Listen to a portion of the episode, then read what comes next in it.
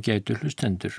Fyrir nokkrum mánuðum síðan las ég í einum þætti í þessari litlu þáttaröð upp úr bernsku minningum Þorvaldar Tórótsen sem kunnur er fyrir landafræði sögu sína og önnur skrif um náttúr og landafræði Íslands. En um, í þessum þætti ætla ég að halda áfram að glukka í æskuminningar Þorvaldar og það er komið árið 1874 en þá er Þorvaldur í þann veginn að ljúka námi í lærðaskólanum í Reykjavík. Og hann skrifar Þetta sumar 1874 var þjóðháttíðin í Reykjavík og Kristján níundi konungur heimsótti í Ísland. Var þá mikið fjör í Reykjavík í samanbörðu við það sem vant var að vera. Allmörg útlend herskip á höfninni og fjöldi útlendinga. Móttakann af hendi Íslendinga var eðlilega einföld og fátækleg en það var mikill munur á því hver miklu var til kostnað við móttöku Fridriks áttunda konungs 1907. Þá voru líka komnir aðrir tímar og mikil breytinga á mörgu. En öðru máli var hins vegar að gegna með sjálfa konungsförina, ferð Kristjáns nýjönda. Hún var nefnilega miklu skrautlegri og konunglegri en ferð Fridriks sonar hans 1907 en það voru þákomnir demokratískir tímar og Fridriki konungi var mjög umhugaðum að geðjast alþýðunni sem best bæði í Danmörku og á Íslandi. Ætlaði hann að sátilgangur næðist með því að hafa sem minsta viðhöfn um för sína. Konungstegninni var því stundum stungið undir stól en árangurinn var þegi alltaf sá er til var ætlast. Friðrik VIII kom á leiguskipi Östræna félagsins en Kristján IX kom hins vegar á fagru herskipi með tvö önnur herskip sér til fylgdar var því alltaf í sveit hans mikill fjöldi af gull fjöldluðum sjóliðsfóringjum og auk þess voru með honum margir hirðþjónar í skrautlegum enkennisbúningum voru sumir þjónana svo fagur skrítir í rauðum og bláum klæðum með mislítum fjadraskúfum í höttum og með gildri og silveraðri axlapríði að allþýðan ætlaði að þar sem þeir voru nokkrir saman að þar væri konungur sjálfur á ferð með hyrð sína. Hyrðfeild Friðriks áttunda, þrem áratugum síðar, var hins vegar öll á annan hátt og engin viðhöfn af neinu tægi sem jafnast gæti við stormanlega framkomu föður hans. Þó var Kristján Níundi eins og kunnugt er hið mesta prúðmenni og hið ljúfasti maður í umgengni, jafn lítillátur við háa sem láa. Þegar Kristján konungur stíði í land áttu margir bátt með að átta sig á að búningur hans sjálfs var miklu einfaldari en búningur margra fylgdarmanna hans. Sumir Íslendingar munu hafa ímyndað sér að hann stígi á land, berandi kórónu og haldandi á veldisbrota. Valdimar Prins, sonur hans, þá 16 ára, kom sem kunnugtir til Íslands með föður sínum. Valdimar hafði verið ráðlagt að drekka geitamjölk og hafði hann því geit með sér og var mikið um dýrðir meðal unglinga bæjarins niður við Bryggju þegar geitin kom í land. Því slíkt dýr hafðu fáir eða engir unglingar í Reykjavík séð áður. Geit Valdimars prins var svo tjóðruð uppi á skólabletti og var oft mannmart fyrir neðan lækin að horfa á geitina. Konungur gisti hjá Hilmari landshöfðingja en helt daglegar miðdegisveislur í latínuskólanum og var höfðingjum bæjarins, fóringjum herskipanna og ymsum útlendum ferðamannum bóðið í veislurnar. Allur skólinn var undir lagður því konungur hafði sjálfur með sér tölverðan vistaforða, borðbúnað, vín og fleira og svo fjölda af þjónustufólki. Og einnig hafðan með sér danska lúðrasveit sem jafnan leki í veislunum og stundum fyrir almenning úti við líka. Einn af bekkunum var hafður fyrir vín og vistabúr, annar fyrir borðbúnað og silfurgreipi því í veislunum var jafnan etið af silfurdiskum og silfurgreipir prítu borðið og svo framvegis. Í fylgd konungs voru þá af alkunnum mönnum, menn eins og Klein Ráþerra, Oddgeir Stefensen, Karl Andersen Skáld, Japetus Stenstrup, náttúrufræðingur og fleiri kunnir menn á þeirri tíð og gistu þeir hjá ýmsum embættismönnum bæjarins. Þjóðháttíðin á öskjulíð fór öll útum þúur. Staðurinn var fallegur að er útsjónsnerti en menn höfði ekki búist við moldreiki sem gekk yfir öskjulíðina þegar háttíðina átti að halda. Frá Östurvelli var gengið í skrúðgöngu inn á öskjulíð og hver sem tók þátt í háttíðinni kefti merki fyrir 16 skildinga sem hann hengdi framann á sig. Í þetta sinn hafðu menn eins og oft síðar flaskað á því að róta við móhellu jarðveginum íslenska. Hann verður þegar um hann er losað allur að ríki og skít undir eins og kvessir. Efsti kollur öskjuhlýðar vestan við Hafnarfjörðarvegin hafi verið slettaður og þar voru tjöld reist til skemtana og veitinga en meðan stóð hæst á háttíðinni þá fóru að kvessa og allt huldist í einni svipan í moldríki. Söfnuðurinn þar uppi helst ekki við, allt út aðtaðist og augun fylltust af ríki, flestir flýðu þaðan sem gátu. Þó komu síðar allmargir aftur þegar lægði undir kvöldið, en þá varð slís, tveir hermenn af konungsskipinu slösuðust við að skjótu upp flugeldum, báðir mistu aðra hendina en annar þeirra dó síðar úr sárum sínum. Síðar var hins vegar haldin önnur þjóð samkoma á Girstúni og gekk þar betur og svo var þriðja samkoman haldin á kvaleri við Hafnarfjörð. Var þá gott veður og allmikill gleðskapur á fólki, engum í rauninu á bakaleiðinu um kvöldið og nóttina. Af útlendingum kom þá allmargir til Reykjavíkur, engum bladarittarar. Meðal þeirra var hinn alþekti ritthundur Max Nordá, gýðingur fættur í Ungarn. Hann leti reyndar illa yfir ferðinni og hafi allt á hodnum sér og lastaði mjög Íslendinga.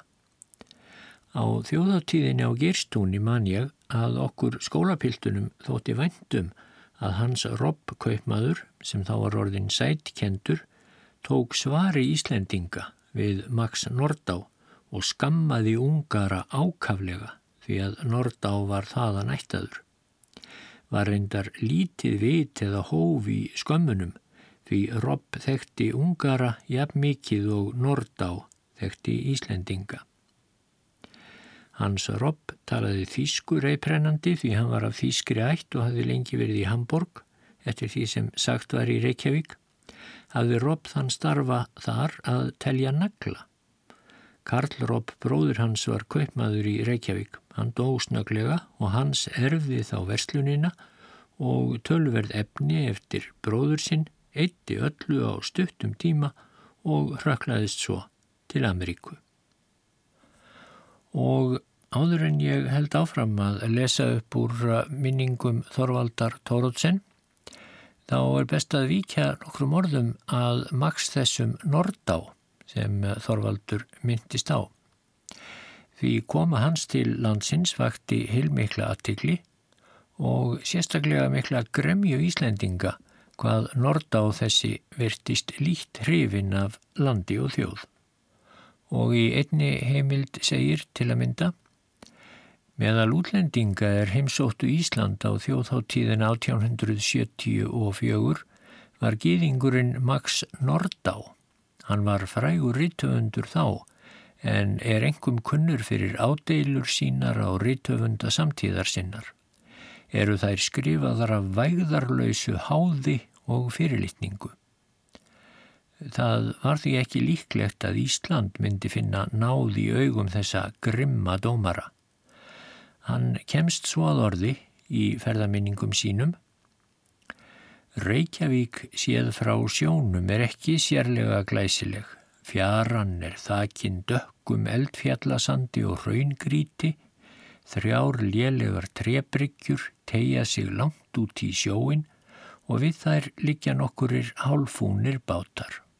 Húsin sem likja í röð eftir ströndinni eru smá, órein og ræfilsleg, en myndin breytist þegar komið er inn í bæin. Reykjavík er ein af hinnum fáu hafnarborgum sem vex fremur inn í landið en meðfram sjónum. Fallegustu götturnar og myndarlegustu húsin eru inni í bænum, spölkorn frá hefninni.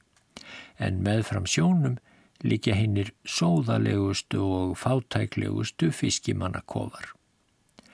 Reykjavík hlýtur hafa tekið miklum framförum og breyst á síðustu tímum því hún er ólík því sem ég hef séð henni líst í ferðabókum. Og Max Nordá þótti bæjarbúar sinnlátir og ógreðviknir, honum gekk sint að fá gistingu en það munu öll hús eða flest þá hafi verið full af gestum. Engin bátur kom út að skipi hans til að flytja farþegana í land en í fjörunni var talsvert af reykjandi slæpingjum. Nordá fer hörðum orðum um divð og framtagsleysi Íslendinga og hann segir meðal annars Það er einkennilegt fyrir andlega og efnalega vesalmennsku, hjálparleysi og svefn Íslendinga að fiskveiðar frakka við strendurnar eru þeim þyrnir í augum og mikið reyði efni en þeim dettur þó aldrei í huga reyna að keppa við þá. Frakkar raka saman miljónunum við Ísland en landsbúar eru örsnöyðir en rétta þó ekki út hendurnar eftir hinnum ótæmandi auð sjávarins. Eftir komendur hinn að djörfustu og þolnustu sjófarenda allra tíma, þar að segja hinn að fýbldjörfu vikinga, eru Íslendingar en þótt undarlegt sé eru þeir engir sjómenn. Þeir kunna korki að smíða báta, stýra, nýja sigla. Nordá bætir því við að íslenskir sjómenn týni ofti lífinu vegna þess hver bátar þeirra séu slæmir. Danska stjórnin hafi reynd að fá þá til að læra almenlega sjómennsku á dönskum skipum en Íslendingar hafi ekki fengist til þess vegna þess að þeir séu of stoltir til þess að hlýða skipunum danskara sjófóringja. Íslendingar séu mjög stoltir af ættgöfki sinni og þess vegna hafi koma Kristjáns konungs nýjunda vakið litla eftirtökt. Hann var sem sé ekki svo tíin maður að Íslendingum þætti mikið til hans koma.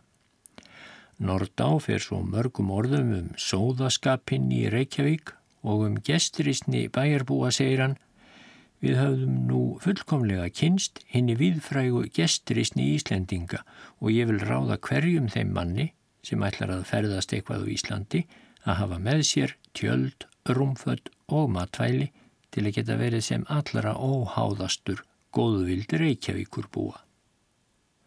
Meðal þeirra sem hittu Max Nordá fyrir meðan hann stóð við í Reykjavík var Mattias Jokkomsson, þjóðskáldið Knáa og hann segir frá kynnum þeirra á þessa leið Nordá varð síðan nafnkunnu rittöfundur engum fyrir nýðrit sín um París og Lundúni.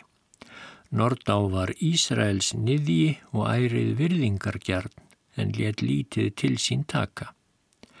Kvartaði hann sárlega við okkur um slís sitt að hann hefði ekki mátt taka þátt í konungstýrðinni á þingvöllum, sækir þess faraldurs að kúforta hestur hans hefði týnst á þeirri bansettu eðimörk sem hétti Mosvells heiti.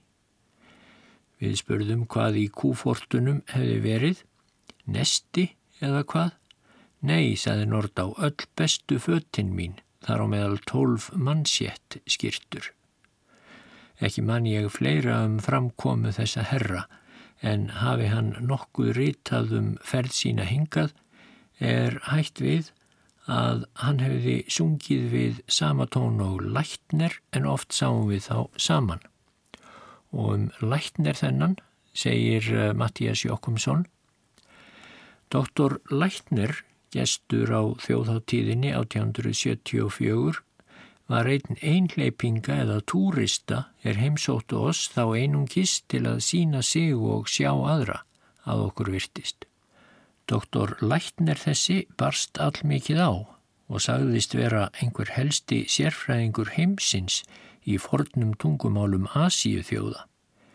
Hitti hann brátt okkur Stengrím Torstensson því þá daga heldum við skáldbræður saman eins og síjamskir tvípurar og hendum gaman að öllu er okkur þótt í kímilegt eða humbúks kent. Við lefðum okkur að spyrja þennan lága rauð dumbóta Asíumann um kreditíf hans eða skilríki, hvað geti verið til vittnisum lærdóm hans og gráður og þóttumst við vera til þess settir. Hann fyrtist á við og tók upp hjá sér lítið og snjáð bókfælsblað út krottað með einhverju krjábulli, líkast flegletri og sagði þar er mitt kreditíf. Þetta letur hef ég lesið og skýrt fyrstur manna í heimi. Doktor Lætner mælti á enska tungu en bauð okkur að tala við sig á hvaða máli sem okkur þóknaðist að ætt var hann saður semíti en ekki þótt okkur hann reyndar hafa gýðingasveip og heldur var hann úvin ásýndar og gust íllur. Frá okkur gekk doktor Lækner á fund Gríms Tomsens.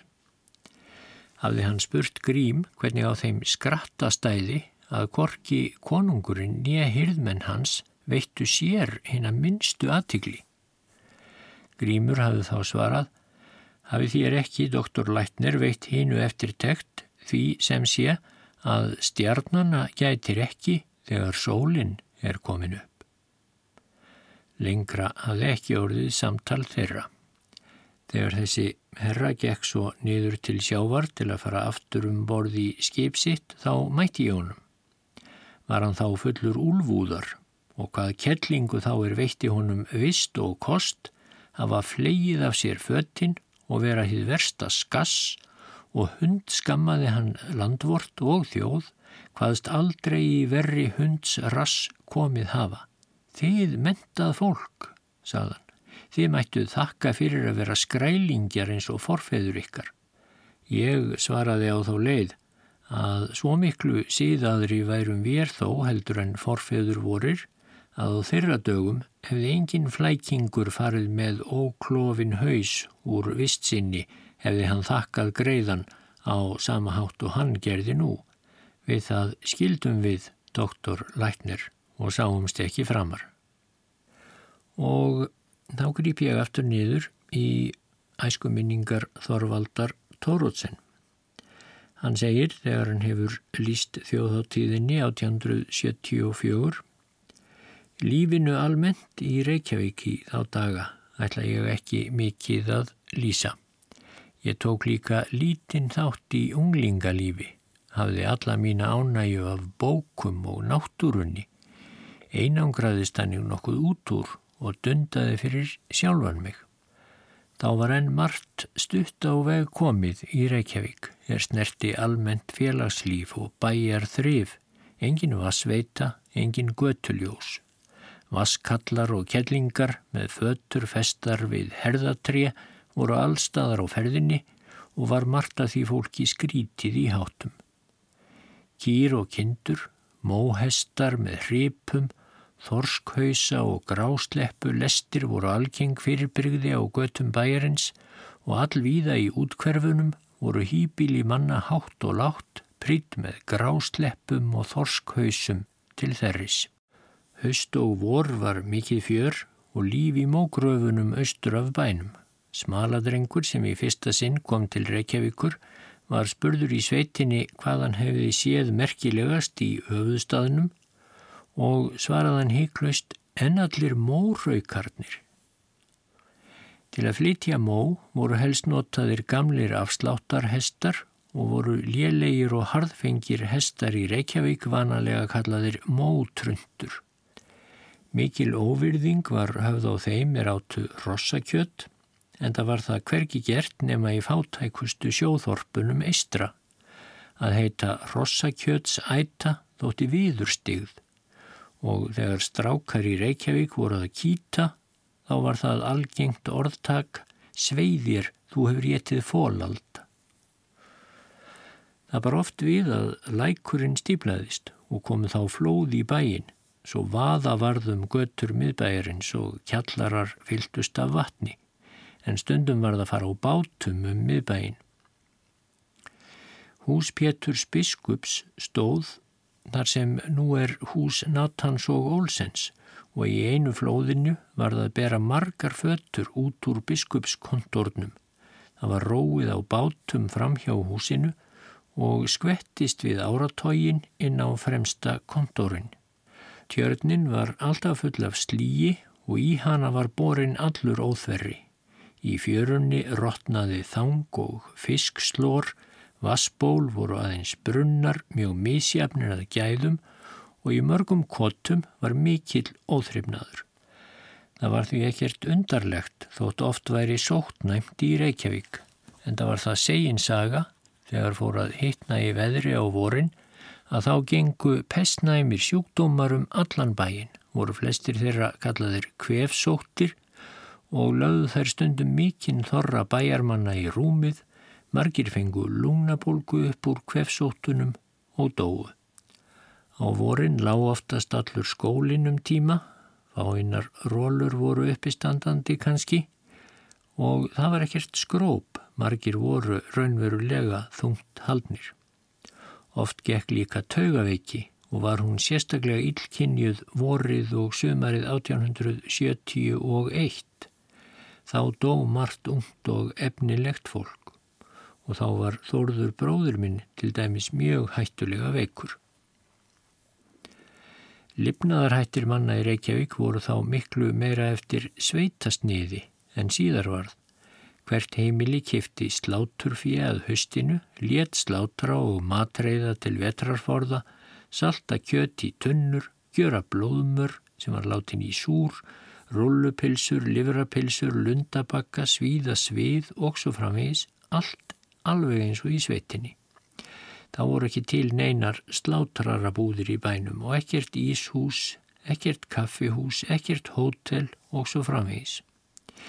Nýtt eða ferst kjöt sást ekki nema á höstin í sláturtíð, annars var salt kjöt, jafnan getið í spaðsúpum og þótti háttíð þegar hægt var að slátra nýfættum kálfi. Stundum kom slátursnöyt austan úr ölfusi og skrifuðu menn sig þá á kjötlista sem gekk frá kaupmönnum um bæin. Fiskur mátti heita aðal fæðamanna í Reykjavík og var hann mjög ódýr en oft gemdur lengi og síðan jetin úldin og það var því eigi alveg að ófyrir sinju er þíska ferðakonan Íta Pfeffer rittaði að húsin í Reykjavík væru öll þefjuð af úldnum fiski. Í þá daga höfðu lestarmenn tjöld sín á Ísturvelli og sumir á lækjartorki var þá oft sukksamt um lestatíman og þurfti reyndar ekki lestir til á þessari miklu brenni vínsöld. Margir sjómenn drukku mikið og stundum sló í bardaga við útlendinga. Akurnesingar þóttu einna slark fengnastir og voru þeir ofta á ferðinni. Þá hýmdu sumir í búðum mest allan daginn til að sníkja sér brennivínstaupp en aðrir hýmdu undir búðargöblum og skröfuðu. Mannkvæmt var sérstaklega við bryggjuhúsið á mornana komu sjómenn þangað til að heyra almenn tíðindi og var þá vanalega einhver einn sem hafði orð fyrir mönnum og frætti náungan. Sérstaklega þótti þórður rauði halda þar margar spaklegar tölur en annars var Ólafur í lækjarkoti einn af helstu alþýðu fræðurum á götum bæjarins. Hann var skínugur kall og var til dæmis alltaf sóttur þegar búpenningur síktist. Lögregla var svo sem enginn í Reykjavík þá. Alexius gamli og Jón Borgfjörð áttu að heita verðir en þeir voru ekki menn til stórræða og dróðu sig í hlið það mestir gáttu en það launaði bærin þeim með hinnum mestu sultar kjörum. Alexius var að mörgu skrítin kall, langur og mjór með ottkvast nef en reyndar grindur vel. Hann þekkti hvert mannsbarn og hafði gaman af skrítnum sögum en þótti stundum krýta liðugt. Var það máltæki sumra í Reykjavík þegar þeir vildu fegra ótrúlega sögu Hannes Jónsson saði mér og hafði eftir Alexíusi, þá þurfti ekki frekar vittnana við. Varðandi drikkjuskapin í Reykjavík, þá var snemma haft orð á því að akurnesingar væru slarkfengnir í Reykjavík, eins og ég sagði á þann, og hyrtnir á lauslega hluti úti við. Einn saga er sögð af akurnesingum frá því snemma á 19. öld. Engilbert Jónsson sem andaðist 1820 var þá prestur á Lundi í Lundareikjadal og mjög gefinn fyrir sopan. Sér að Engilbert varð eitt sinn út úr drukkin í Reykjavík og sopnaði í skoti í Kveipmannsbúð. Þá var það tíska að bændur úr nærsveitum lögðu sögðarkroppa inn í verslun og komu með þá í pokum voru þeir vegnir úti, sapnað saman nokkrum skrokkum og látnir inn á kveldin. Búðastrákar sáu sér Engilbert dauða drukkin og létu hann í einn pókan. Þegar kjöttpókarnir voru borðnir inn um kvöldið, skildu þeir prestin eftir í skoti sínu. Akurnesingar sem ætluðu heim um nóttina voru áður en þeir fóru á snutti kringum búðirnar til þess að vita hvort þeir geti ekki tekið neitt til handargagns. Urðu þeir þá varir við kjöttpókan sem þeir heldu að hefði glemst og voru ekki seinir á sér að hyrða pókan og bera hann út í bátsinn. Heldu þeir svo á stað með kjöttpókan í skuti og tóku harðan róður heimleiðis. Prestur vaknaði ekki í pókanum fyrir ná miðri leið. Þá kom á kaldur gustur út kvalfjörð og heyra hásettar þá allt í einu sagt í kjöttpókanum lánaði mér dáltið af brekkánshorninu geska. Sér að Engilbert hafði þá kólnað og rumskað en helt í sveprófunum að hann væri í rúminu hjá kellingu sinni. Þegar akkurnesingar urðu þessa varir þóttust þeir hafa hyrt prestin viljandi, hrestu hann á brennivínstári og gerðu vel til hans. Þorvaldur Tórótsen útskrifaðist síðan úr skóla sínum í Reykjavík árið 1875 og kom ekki annað til mála en hann færi strax til Kveimanahafnar og heldi þar í framhaldsnám. Einn senustu ár mín í skólanum hafði ég þegar haft mikinn huga á að stunda náttúrufræði við háskólan í Kveimanahafn, skrifar hann, þegar ég væri búin að ljúka skólanáminu.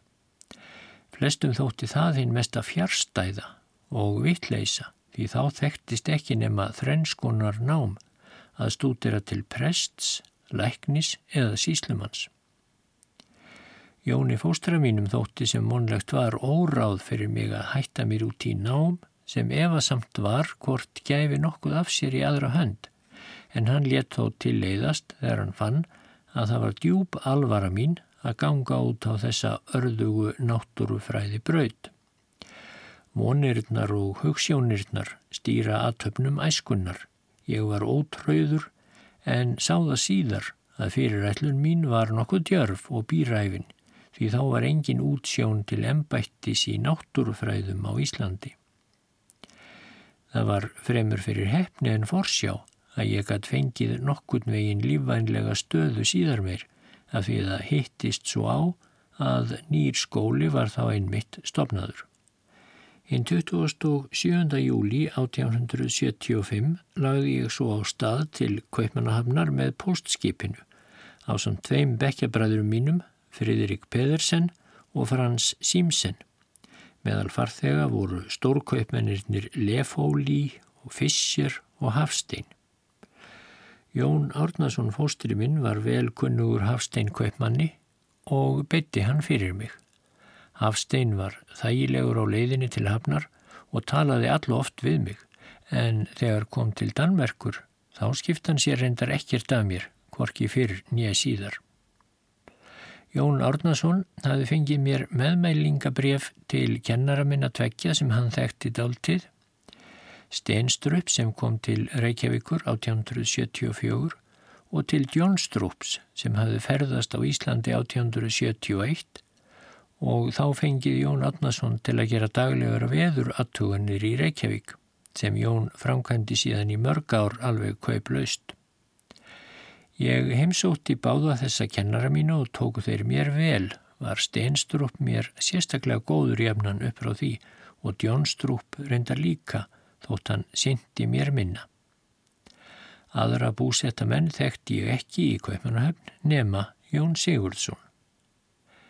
Ég komst þegar um höstið 1875 inn á Garð og flutti saman við Guðmund Þorláksson og byggum við lengst af saman á gardi þanga til Guðmundur fór. Þá tók ég inn til mín Ólaf Haldursson frá Hofi og byggum við saman í rúmt ár. Haustið 1879 kom svo skúli bróður minn til Hafnar og byggum við þá saman einn vetur. Íbúðsú sem við höfðum var e- með hinnum bestu á gardi, á hotninu á köpmagargaði og kanníkistriði í stofunni en á fyrsta sal fyrir ofan okkur byggu þeir Björnum Olsen og Sigurður Sigursson sem kallaður var Slempir. Sigurður Slempir var síðar aðjungt í Reykjavík en druknaði 1880 og fjögur. Piltar á gardi byggu þá oftast tveir og tveir saman, höfðu tvö herbergi, lestrarherbergi og svefnherbergi. Flestir höfðu málamat hjá sjálfum sér og voru skápar undir glukkakistum til að geima matin í. Þar höfðu menn íslenskan mat, þeir sem hann fengu að heiman, og var ekki löst við að Danir stundum kvörtuðu undan fisklíkt í herbergjum Íslendinga ef þeir geimdu harðfiski í hyrslum sínum. Annars varðmannum sjaldan haldsamt á íslenskum mat, því sömur fengu ekkert að heiman og þótti því íslenskur matur nýnæmi og þegar einhver fekk matað heimann settust á vanalega allir að þeim og voru flestir svo gesturistnir að maturinn gekk fljótt upp sem ablast hafði. Miðdegisverð borðuðu menn úti annarkort í pensjónöttum eða á veitingastöðum og kostiði máltíðin vanalega 50 öyra. Þó var miðdegisverði stundum sleft þegar hart var í búi og það kom oft fyrir, sérstaklega sent í mánuði. Þótt flestir hefðu úr litlu að móða, þá fóru þó margir mjög ósparlega með efni sín, kunnu alls ekki að fara með peninga og nokkrir voru vanalega alls lausir þegar liðinir voru fáir dagar framan af mánuðinum. En hinn fyrsta hvers mánadar var gardstyrkurinn frá yfirvöldum útborgaður og urðum en svo að lifa á lánum það sem eftir var eða þá munvatni sínu og góðvilja nábúana. Meðal íslenskara stúdenta voru þá margir óreglumenn en þó fóru færri algjörlega í hundana en búast hefði mátt við eftir því lífi sem margir lifðu á hafnarárum sínum. Af þeim 30 íslenskum stúdentum sem voru mér samtíða á gardi varð þriðjungurinn alla æfi óreglumenn og sumir þeirra algjörlega ónýtir, sér og öðrum til armæðu. Þó var óreglan enþá meiri á árunum næstu áður en ég kom til Hafnar. Því þá voru hér allmargir ungir listamenn norskir og voru þeir ofta á drikkjutúrum sínum með Íslendingum og voru engu betri þótt þeir þættust verðað og skopuðust svo að hinnum íslensku félögum sínum. Í einni norskri heimild skrifar norskur stúdent um Íslendinga í Kaupanahöfn þess tíma Þeir voru skýt, fátækir, montnir og uppáþrengjandi og vægast sagt auðmingjalegir í öllu sínu atferðli. En þó voru þeir landar mínir sem hafði verið á slangri með þessum norðmönnum mjög hreiknir yfir samvistum við þessa frendur sína. Annars eru Íslendingar og norðmenn mjög líkir hver öðrum að kostum og löstum svo sem eðlilegt er skrifar Þorvaldur Tórótsen ennfremur. Fyrsta ár mitt var Nellemann, gardprófastur en síðan úsing, Garðprófastur er sá af háskólaprofessorunum kallaður sem býr á gardi og hann á að hafa aðal um sjón með og borga út garðstyrkin en annars skiptir hann sér lítið af garðbúum. Hérna daglegu umsjón hefur varaprófasturinn, svo kallaður, sem lítur eftir lestrastofunni og hefur umsjón með þjónustu fólkinu. En meðal stúdentana sjálfra ríkti annars fullkomið frjálsræði eða sjálfræði Með þeim var ekki haft neitt eftirlit nema þegar allt kerði úr hófi. Sjálfur kjósa gardbúar fóringja úr sínu liði sem kallaður er klokker eða ringjari, þykir það heiðurstaða og hefur Íslendingum einhverjölda vegna sjaldan hlotnast að komast í hana. Á fyrir tímum var kirkja eða kapella á gardi og síðan hafa nöfnin prófastur og ringjari haldist Þá hafðu líka gardbúar frá fornu fari engarétt til að bera lík heldri manna til greftrunnar og fengu þeir borgun fyrir. Sá síður var nú fyrir löngu laður niður en herbergi vinstramegin við ingangsportið hétt enþá líkbera skrifstofan. Hínum megin í portinu hafði dýravörður herbergi sín, hann hafði líka veitingar á kaffi og öli. Á mínum hafnarárum var Eiríkur Jónsson varaprófastur. Hann var að mörguleiti mjög einkennilegur maður, gáfaður, skaldmæltur vel, fornirtur og tyrfin í orðalagi stundum, gleði maður hinn mesti. Eiríkur var Íslendingum mjög góður og engu síður konan hans, Petríne. Hún var skörungskvælmaður og vel gáfuð, kátt og fjörug og tók fullan þátt í allri gladverð, ekki síður en maður hennar og stúdendar. Petríni held stundum snjallar skálaræður og svo framvegis. Hún var vinur vina sinna og mjög hjálpsum við þá stúdenda er hún tók að sér. Eiríkur Jónsson var haldur, einegður, rauðherður og stórskorinn en þó refilegur útlits. Hann hafði helst fengist við íslenska forntungu og gaf út orðabók alkunna og var riðin við útgáfun Jálu og Högsbókar. Skýrni rittaði hann í 24 eða 5 ár og gerði það vel. Var skýrnir þá engöngu fréttaritt. Mislíkaði sumum stúdentum að þar var eigi meira rittaðum skáldskap og fögur fræði og bóluðu Eiríkja lokum frá þessu starfi.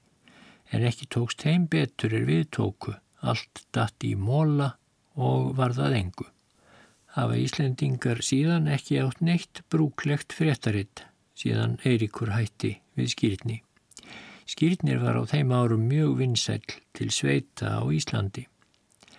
Þegar maður kom til Eiríks á veturna satt hann vanalega í miklum hrúum af dagblöðum og var að draga þaðan efnið í skýrtni sinn. Eiríkur var fróður í fornum íslenskum mentum, ræðinn og skemmtilegur og bæði voru þau hjón mjög góð heima að sækja og reyndust mér ágætlega. Þegar ég kom til Hafnar fyrst hafði ég korki bragðað öl nýtt tópak og held mér frá hvoru tvekja hinn fyrstu ár í Kaupanahöfn. Annars var hægt að leiðast til óreglu þau ár, voru þeir staðir sumir sem allmargir stúdendar vandu komur sínar á allt annað en síðlátlegir en engin var að fást um það, menn réðu sér fullkomlega sjálfur, en það ómögulegt í jafn stórum bæ að hafa heimil á ungum mönnum sem hafa tilneyingu til að slarka og drappa. Þá var færra um fítni veitingastadi, kaffihús, hótel og restaurant heldur en nú er, en það kom Íslendingar eðlilega mest á hína ódýrari staði, helst á hýmsa kjallara til að borða og drekka og hafðu margir af þessum stöðum í landahópi íslensk nöfn. Af matarstöðum sem flestir komu á voru koppi og feiti alkunnastir. Koppi var kjallari í vimmelskaftið beintamóti klosterstreði, þar komu Íslendingar einna oftast. Veitingamadurinn hétt Jakobsen og úr því hafði myndast nafnið Koppi. Þar átum en helst sprengt lammekuð sem kallað var. en hjá feita var bóðið upp á sáðuna lamshausa eða kindarhausa. Feiti var í stofu í kronprinsessegadi, þar hafði einhver tíma verið mjög feitur veitingamadur sem nú var löngu döður en kráin helt samt að nafninu. Af kaffihúsum nærri gardi komu landar mest á himnaríki, helvíti og hreinsunareldin en þeir staðir eru enn til og halda nöfnunum. Af vínkjöllurum komum en helst til Fókts sem var í djúpum kjallara á hodninu á stúri strandstreði. Þar var kölluð Káetan og þar fegst ódýrt Totti en við og við komum en svo á ímsa aðra staði og hafðu sumir íslensk nöfn eins og til dæmis Olbogabótin, Fjalakötturinn og svo framvís. Af eldri löndum byggu þá allmargir í Kaupanöfn og bar Jón Sigurdsson eðlilega ægi sjálf yfir öllum. Hann bjó alltaf á sama stað við Östervól nr. 8 í húsi Skrams tópaksala. Jón Sigurdsson bar af flestum íslenskum samtíðarmönnum sínum að tígulegri framgöngu og hann var reyndar í sjón mjög líkur Edvard Svensson, aðmíráli, sem Sigurinn vann við Helgoland 1864, svo sumir viltust stundum á þeim á göttu. Til Jón Sigurssonar kom ég oft. Hann varð fjárhaldsmaður minn, góður vinur Jóns Árnasonar og nákunnugur föður mínum. Þeir stúdendar og aðri landar sem Jón Sigursson hafi sérstök kynni af gáttu vanalega eitt kvöld í viku komið til kvöldverðar hjá þeim Jónum, Jóni og Yngibjörgu og notaði ég mér það oft. Það var þá allsíða í höfn í dönskum húsum að menn höfðu opið hús fyrir kunningi sína eitt kvöld í viku en nú er sá síður fyrir löngu lagður niður. Um jólinn helt Jón Sigursson vanalega ýmsum kunningum sínum jólabóð og var ég í þeim tvísvar sinnum. Var þá haft með mat ungarst vín frá Báer vínsala í Tordenskjóldsskaði sem landar skiptu tölvert við þeir sem voru betur fjáðir. Gestristni Jón Sigurssonar og hjálpfísi hans við Íslendinga var fram úr skarandi en það leituðu flestir til hans sem til hafnar komu gekk mikil tími og tölvert fér til þess að sinna þeim öllum. Frú Yngibjörg hafi líka á hendi umboð margra á Íslandi til að kaupa ímislegt var það oft tafsamt starf fyrir hanna og eigi alltaf jafn vel þakkað. Sérstaklega let Jón sér andum að leiðbina öllum þeim sem vildu fullkomnast í verklegum fræðum og útvöga þeim styrki og aðra aðstóð og ýmsir búfræðingar voru til dæmis á ýmsanhátt jafnan á hans vegum. Ekki höfðu þau hjón neina umgengni við danst fólk og lítið samneiti við hérna eldri landa sem ennbætti höfðu í Róm. Það voru engu ungir menn sem fyltust kringum Jón Sigursson og fáinir eldri vinir hans og skjólstæðingar. Af góðvinum hans einum eldri má helst telja þá Tryggva Gunnarsson og Áskir Áskersson Kaupmann hinn eldri. Sérstakir skjólstæðingar Jóns og þjónustumenn í öllu sem snerti bókmentafélagið voru þeir Sigurður Hansen og Sigurður Jónasson. Sigurður Hansen var rittari á einhverji stjórnarskrifstofu þar í borginni og jafnan vakin og sofin í því að semja landshags skýrslur fyrir bókmentafélagið en nú var því starfi að vísu að mestu lokið og hann sást mjög sjaldan á samkomum landa um þær myndir. Sigurður L. Jónasson sem kallaður var Múri var þess meira með ungum stúdentum. Sigurður Jónasson elskaði Jón Sigursson ákaflega heitt og mátti aldrei nefna forsetta. Svo var Jón Sigursson alltaf kallaður meðal landa í Kveipanöfn nema með djúpri lotningu. Sigurður Múri starfaði mjög mikið fyrir bókmyndafélagið og var hægri hönd Jón Sigurssonar við alla afgreðslu og bókasendingar. Sigurður var enkennilegur maður og skrítin í sömu, vel gáfaður að upplægi en hafi lítið notast að gáfum sínum.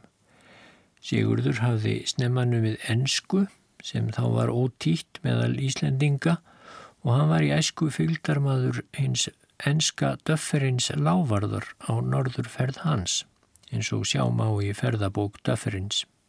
Döfferin líkaði vel við Sigurð, má þar lesa, og sagði Sigurður að döfferin hefði ætlað að hafa sig með til Englands og styrkja sig til frekari frama, en Grímur Tomsen hefði spilt því. Sigurður myndist sjaldan á þetta á þess að klökna og var þá vanalega við öl og við engan mann var honum, kannski að vonum, jafn ítla eins og Grím Tomsen. Það var annars merkilegt hvað flestir í Kaupmannahöfn sem nefndu Grím á nafn hafðu hortni í síðu hans, bæði Íslendingar og Danir, og þó viðurkendu allir gáfur hans. Grímur mun hafa stygt marga með gletni sinni, stríðinni og ekki síst kaldlindi. Þó mynd hann ekki neitt ílt með glettum sínum komu þær sér oft illa og spiltur endar mest fyrir honum sjálfum. Á eldri árum var grímur mikið farin að spekjast. En þetta skapferðli gríms mun hafa stöðvað ennbættisframa hans því hann var annars í miklu áliti. Sigurður L. Jónasson neyðist á setni árum allt og mikið til drikju og lendi þá í slagtói með ímsum miður heppilegum personum meðal hinn að yngri stúdenta íslenskra. Hann varð fjör gamal en átti vísti leiðinlegt og dapurlegt og einmannanlegt líf setni árin. Hinnir ungu menn sem höfðu verið vínir hans á þeim árum sem hann var fórsett í bókmyndafélagsins eftir Jón Sigursson látin voru þá hornir og dreifðir og skiptu sér ekkert af honum í elli hans en það var hann þá orðin einrætt og önugur við suma sem þó vildu sinn honum.